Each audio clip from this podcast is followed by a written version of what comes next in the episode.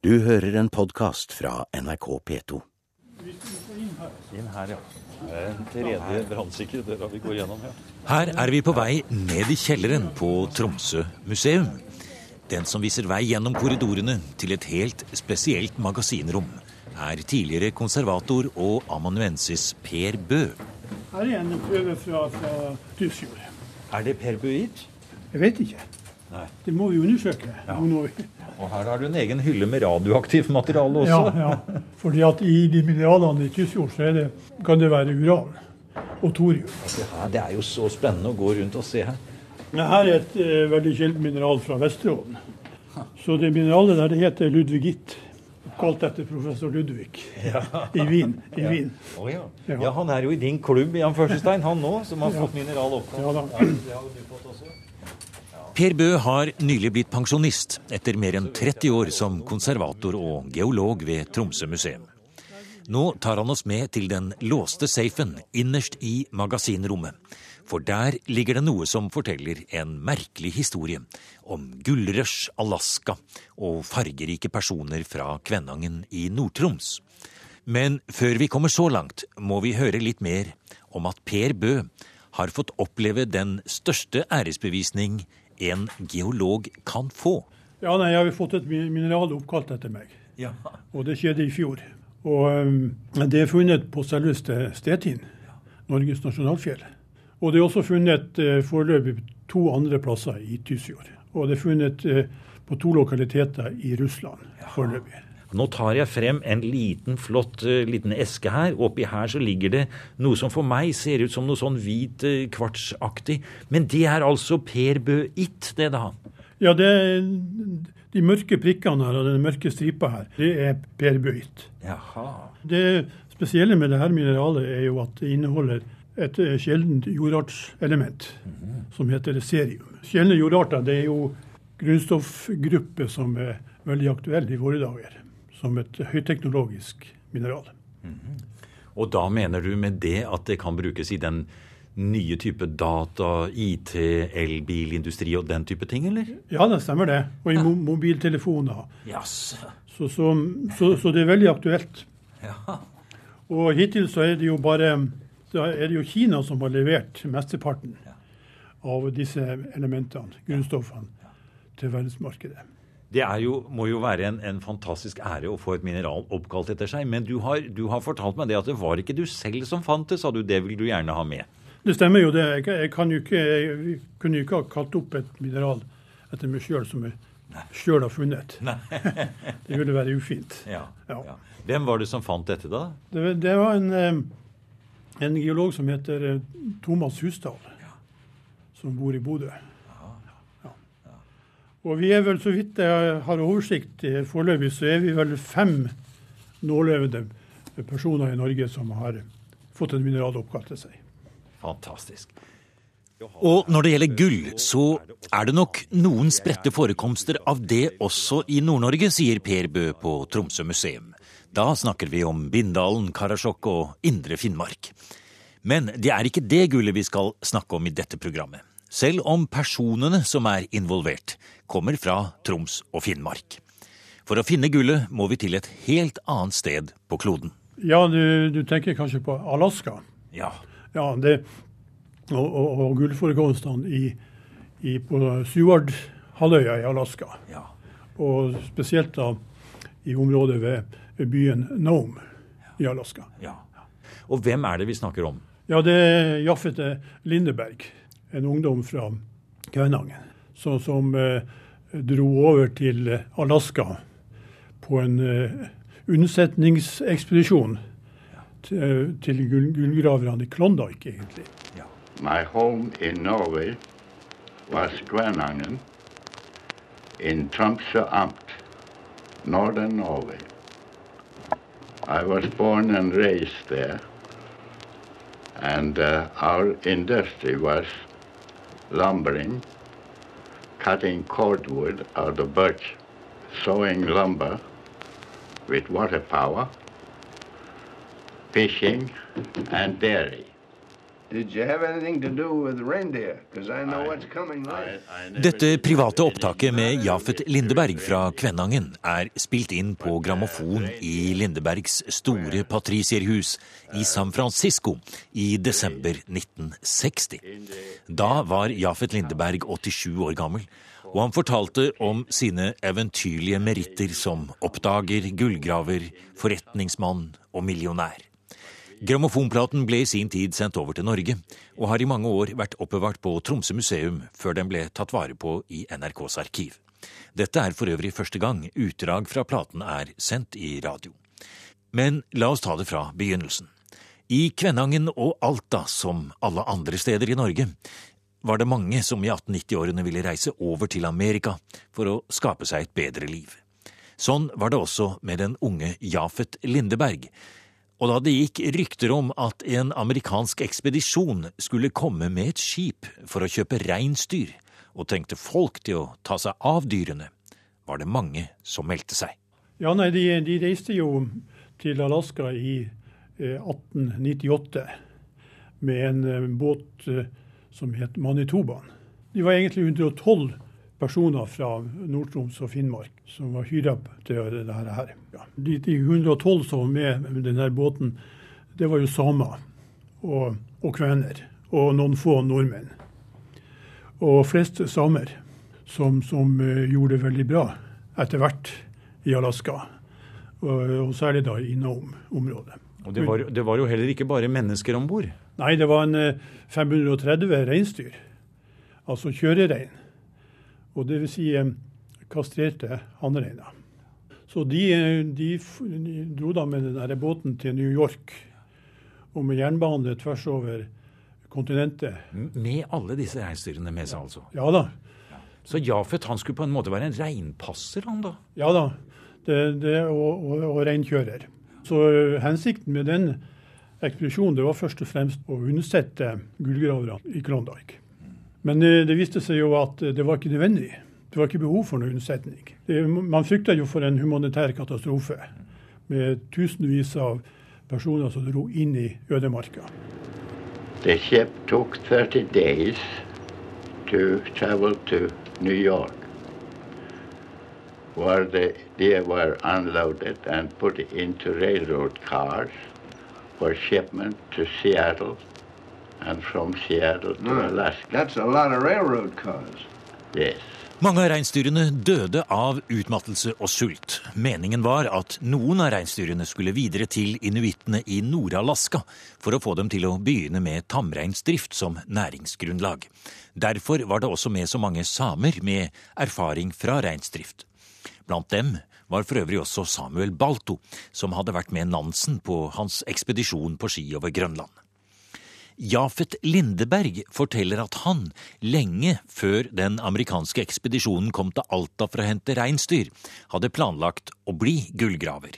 Så turen med reinsdyrene var bare en fin måte å komme over til USA og samtidig få hyre. I joined the expedition in Alton, although I had uh, started for United States with a view of going to the gold fields in Alaska before I was asked to join the expedition to help them to transport the animals over to the United States. And from Seattle, you went to. I went into the, I was sent into the country to hunt for food for the animals. And I found the food Våren 1898 er Jafet Lindeberg plassert ved Skagway i Alaska og er løst fra sin kontrakt med reinsdyrekspedisjonen. Med en startkapital på 300 dollar oppspart hyre kjøper han proviant og gullgraverutstyr og skal forsøke å komme over fjellpassene innover til Yukondalen sammen med flere hundre andre gullgravere. Det går ikke a snow slide came on the 17th, between the 16th and 17th of April, and moved down several hundred people. We started digging out the people, which lasted about 11 days. And we rescued over 400 alive, and 52 bodies were dead. Etter denne dramatiske redningsaksjonen, hvor Jafet Lindeberg leder arbeidet med å grave ut 400 overlevende og 52 omkomne fra snøskredet i nærheten av Skagway, bestemmer han seg for å reise nordover i Alaska, istedenfor innover til gullfeltene i Canada ved Klondyke, hvor alle andre skulle dra. And I went over to the council city and started out prospecting. I was by myself at the time. And uh, in few days, I met two Swedes by name of and Lindblom. Lindeberg treffer to svensker, Erik Lindblom og John Bryntesson. De har hørt om et område i nærheten av Gollowin Bay, hvor det visstnok skulle være funnet gull. De får tak i en liten båt og sliter seg av sted langs kysten. Ror, seiler og trekker båten langs strandbreddene. Well, we sailed part of the way. Oh, yeah, a little sail. Yeah, but uh, sometimes we had to get And it- ashore it- and pull the boat along the shore. All right, then you got to... Og det er nå Jafet Lindeberg og de to svenskene skriver seg inn i verdens gullgraverhistorie. Helt alene og uten noe tegn til liv, ikke engang eskimoer var der, sier Lindeberg på grammofonplaten han leste inn 60 år senere. I dette øde, treløse tundralandskapet, helt nede mot havet, gikk en svingete elv som de fulgte et par kilometer. De gikk på land og lette etter bekker, små sideelver og steder hvor det kunne være gull. Og gull var det, overalt, i store mengder. In about week's time, we took out about $2,000 worth of gold. Two thousand dollars. That's a whole lot to get out in a In in a a few week. days, Yes. Yes. All right. And uh, we proved that the ground would be very profitable to work in the future.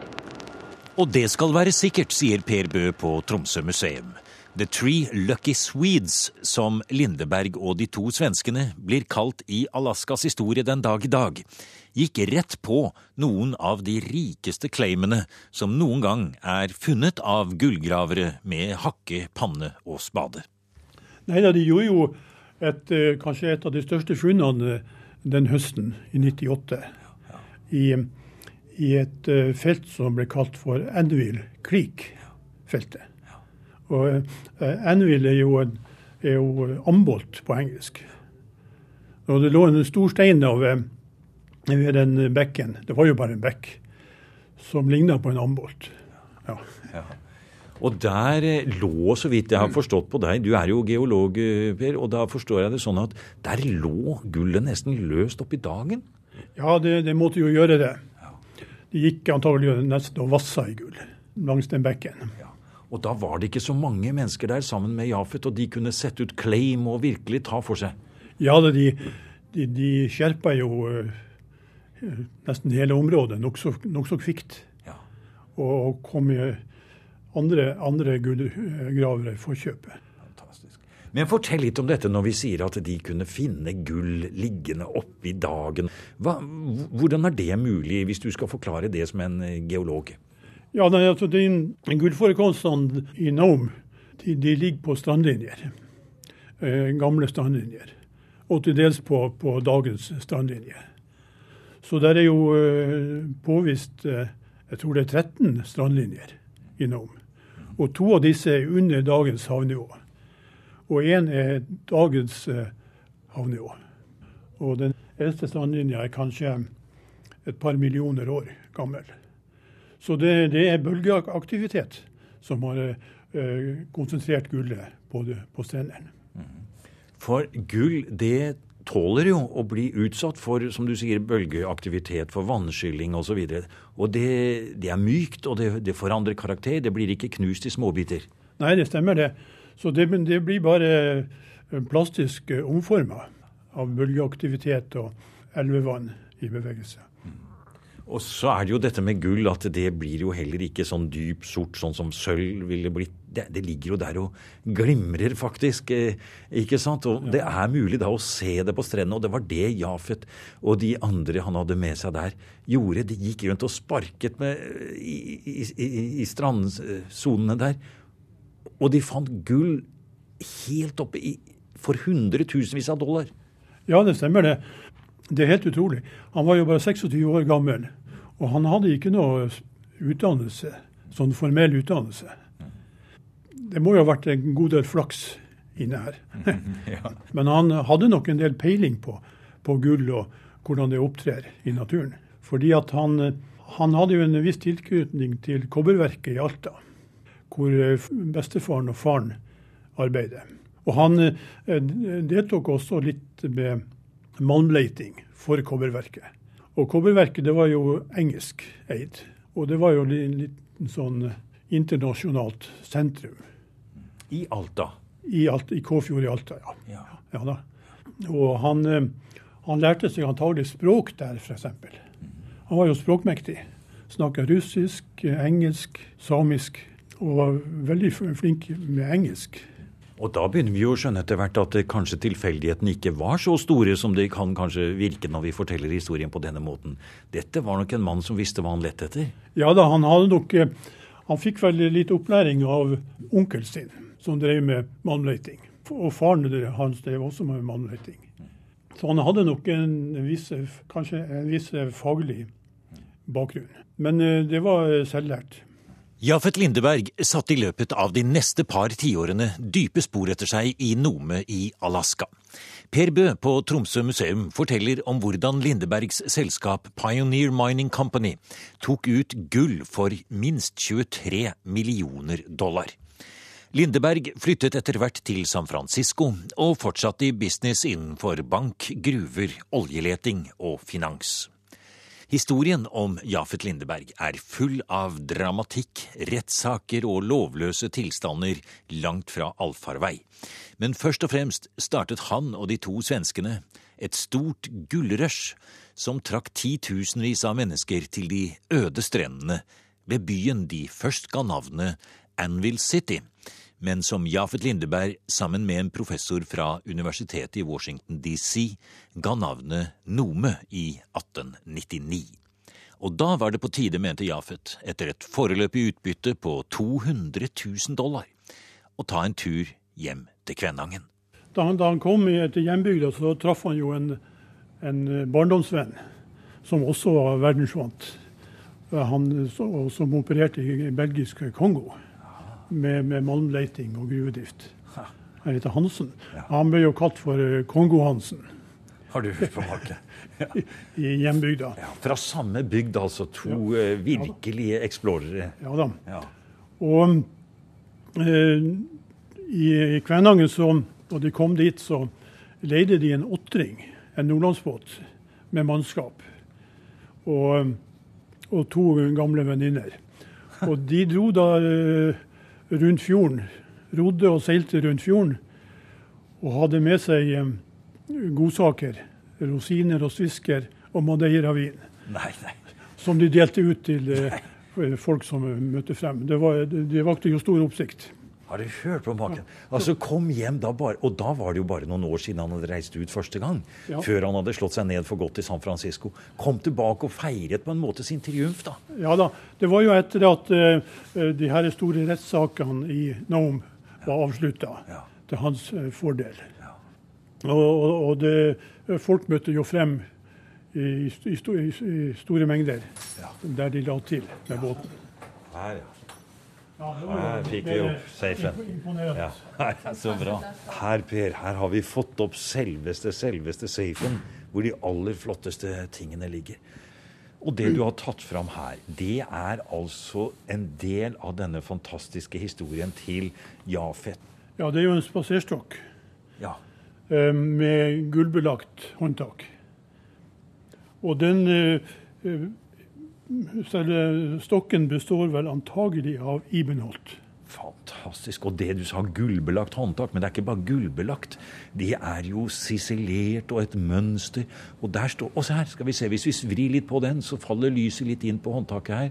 Jafet Lindeberg står det gravert inn i gullet på håndtaket.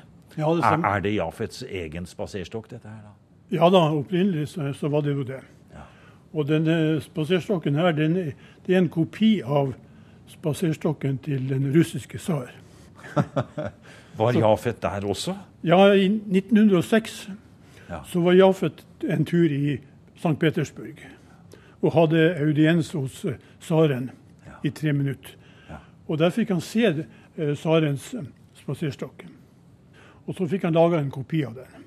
Hvordan har den havnet her på museet, da? Nei, det var jo en eh, Den ble jo overtatt av en eh, slektning av eh, Jafet her i Tromsø. Så den er jo, den stokken her den er brukt i, i Tromsøs gater i noen år. Ja, så, ja. Og da han døde, som, slektningen døde, så, så ble den overlatt til museet. For det var jo en av sidene ved Jafet Lindeberg. Etter at han hadde blitt så ustyrtelig rik, så var jo han litt av en mesen også. Han, han ga jo ut av sin formue til eh, de bygdene han opprinnelig kom fra. Ja, det stemmer nok det. Og han, eh, han sponsa jo Roald Amundsens sine ekspedisjoner Ja, en del. Ja. Ja. Og var jo også en av de som eh, sørget for at gjøa kom på land i, eh, i Golden Gate-parken i San Francisco. Ikke minst så var det vel han som betalte, Ja. eh, dek, dekka utgiftene til det. Og, og Maud var han vel også engasjert i? Ja da, han var jo en slags norsk konsul i, i Naum. Så eh, Amundsen avslutta jo Maud-ekspedisjonen i Naum. Og det, det samme gjaldt jo for Gjøa-ekspedisjonen. Og Norge. Og Norge, ja. Ja, luftskipet. Ja, fantastisk.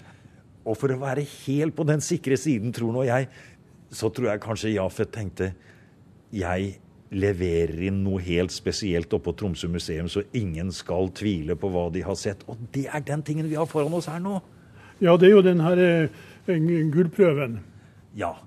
som, eh, som han deponerte her, eh, eller etterlot seg her på Tromsø museum. Og la oss eh, se litt nærmere på dette. Tenk at han hadde denne med seg nær sagt i lomma. Kanskje du kan løfte den gullklumpen ut av Og se her, nå tar Per Bø opp denne gullklumpen, har den i hånden. Og den er stor. Den, er jo, den fyller jo hele håndflaten din. Eh, Den er vridd, og det, det glimter i gull i den. Og den er nøyaktig slik den lå på strandbredden i Anvil Creek i Nomi, Alaska, og som da Jafet plukket opp. Og den må jo veie borti en halv kilo. Ja, den veier 600 gram. Nes, nesten 600 gram. Har du, Men for en stor gullklump, da. Ja da.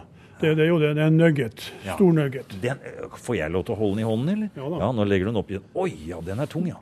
Det, er det, det er jo ikke bare sett- gull her, men det er, jo, det er jo litt eh, kvarts også der. Jaha, er det, jaha, det er ikke sølv inni her også, eller? Jeg jeg, jo da, ja. det er ca. 10% sølv i gullet.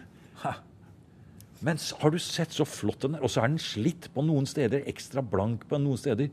Så den kan man se at den har altså han hatt i lomma. Sikkert hatt som en sånn skryteting som han har gått rundt med. Og da er du rik, Per, når du kan gå rundt med en sånn bare som en brevpresse. Ja, det er klart det. Og den, den er jo bearbeidet av vann. Jaha. Av, av bølger, av sjøbølger og av elvevann. For en utrolig følelse det er å stå og holde den i hånden ved siden av safen her på Tromsø museum nede i kjelleren.